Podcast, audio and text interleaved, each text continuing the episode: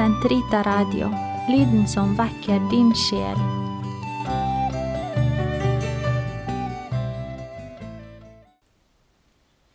Den katolske kirkes katekisme, uke 14, tirsdag, paragraf 238 til 248. Åpenbaringen av Gud som treenighet. Faderen blir åpenbart av Sønnen. I mange religioner påkalles Gud som far.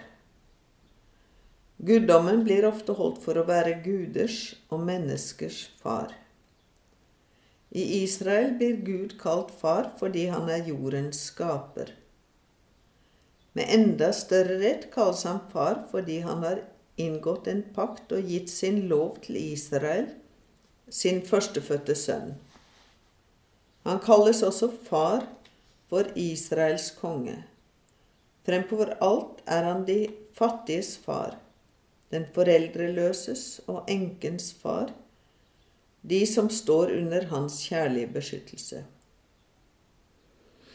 Ved å kalle Gud far sier troens språk fremfor alt to ting, nemlig at Gud er alltings første opphav og den høyeste autoritet av alle, og at han samtidig er full av godhet og kjærlighet overfor sine barn.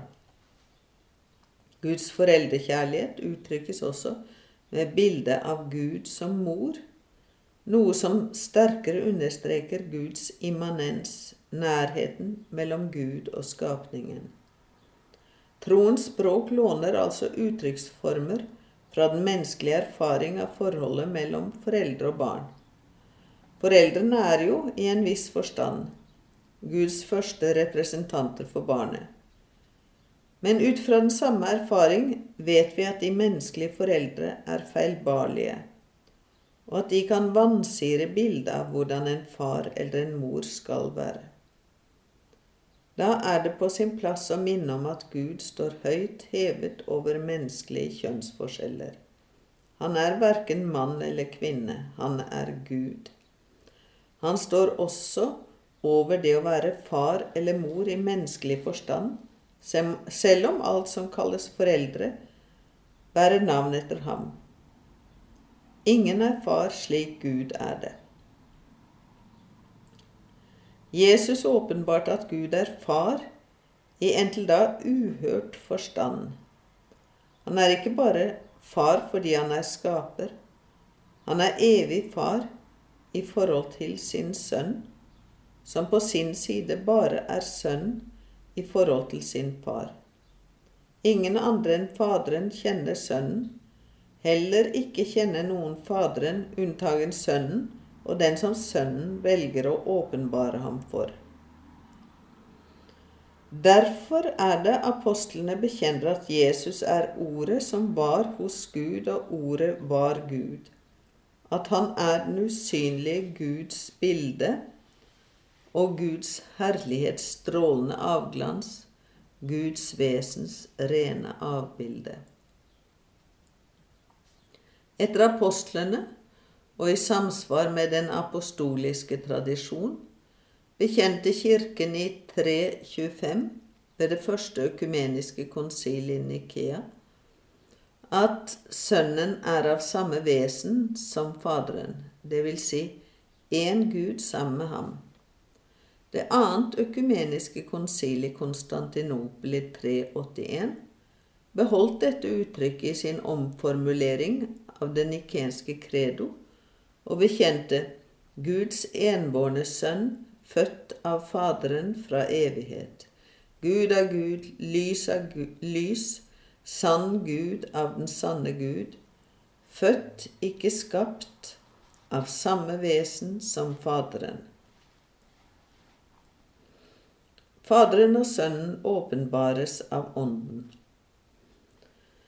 Før sin påske lovet Jesus å sende en annen talsmann, Den hellige ånd.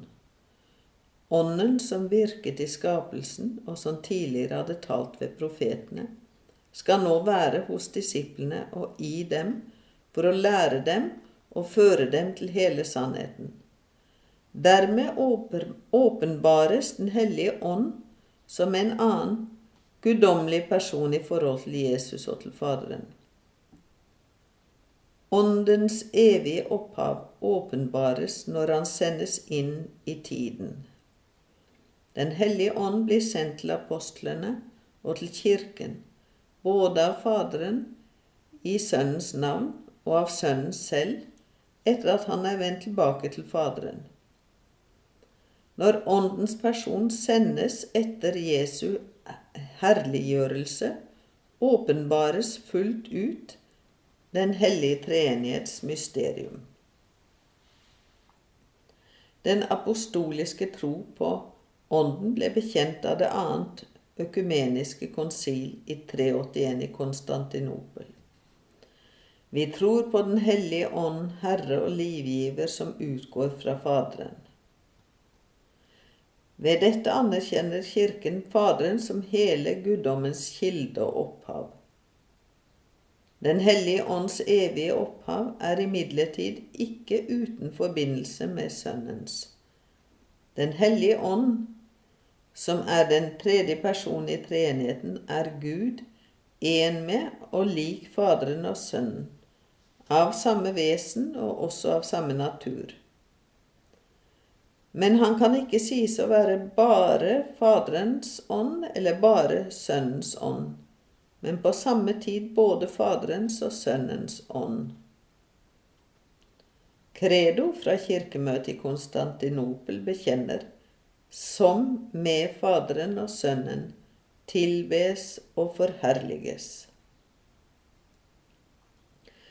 Den eh, latinske tradisjonen bekjenner at Ånden utgår fra Faderen og Sønnen, filioque.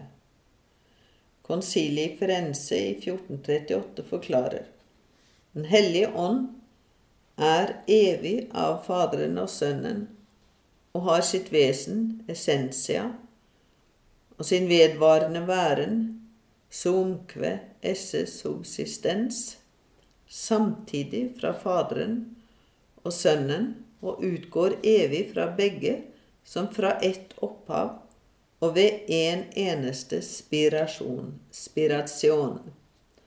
og som Faderen ga Sønnen alt sitt i det han fødte ham, unntatt det å være far, slik er det at Den hellige ånd utgår fra Sønnen. Det har Sønnen evig fra Faderen, som han evig fødes av. Utsagnet om filiokve var ikke en del av det symbol som ble bekjent i Konstantinopel i 381. Men i samsvar med en gammel latinsk og alexandrinsk tradisjon bekjente pave Leo den hellige dette som dogma alt i 447, allerede før Roma ved konsilet i Kalkedon i 451 ble kjent med og tok imot symbolet fra 381. Bruken av denne formuleringen ble litt etter litt godtatt i den latinske liturgi mellom 8. og 11. århundre. Innføringen av filioque i symbolet fra Nikea og Konstantinopel i den latinske liturgi utgjør fremdeles i dag en meningsforskjell med de ortodokse kirker. Den østlige tradisjon understreker i første rekke at Faderen er Åndens første opphav. Ved å bekjenne at Ånden utgår fra Faderen, sier den at Han utgår fra Faderen gjennom Sønnen. Den vestlige tradisjon vektlegger i første rekke fellesskap i vesen mellom Faderen og Sønnen ved å si at Ånden utgår fra Faderen og Sønnen, filioque. Dette er lovlig og fornuftig, for den evige orden i de guddommelige personer, i deres felles vesen, innebærer at Faderen er Åndens første opphav, da Faderen er opphavet uten opphav men også at han som den enebårne sønnens far, sammen med ham, er det ene opphav Ånden utgår fra. Her dreier det seg om en tillatt og komplementær meningsforskjell dersom forskjellene ikke overdrives, betyr de intet brudd i forståelsen av forholdene i det trosmysterium som bekjennes.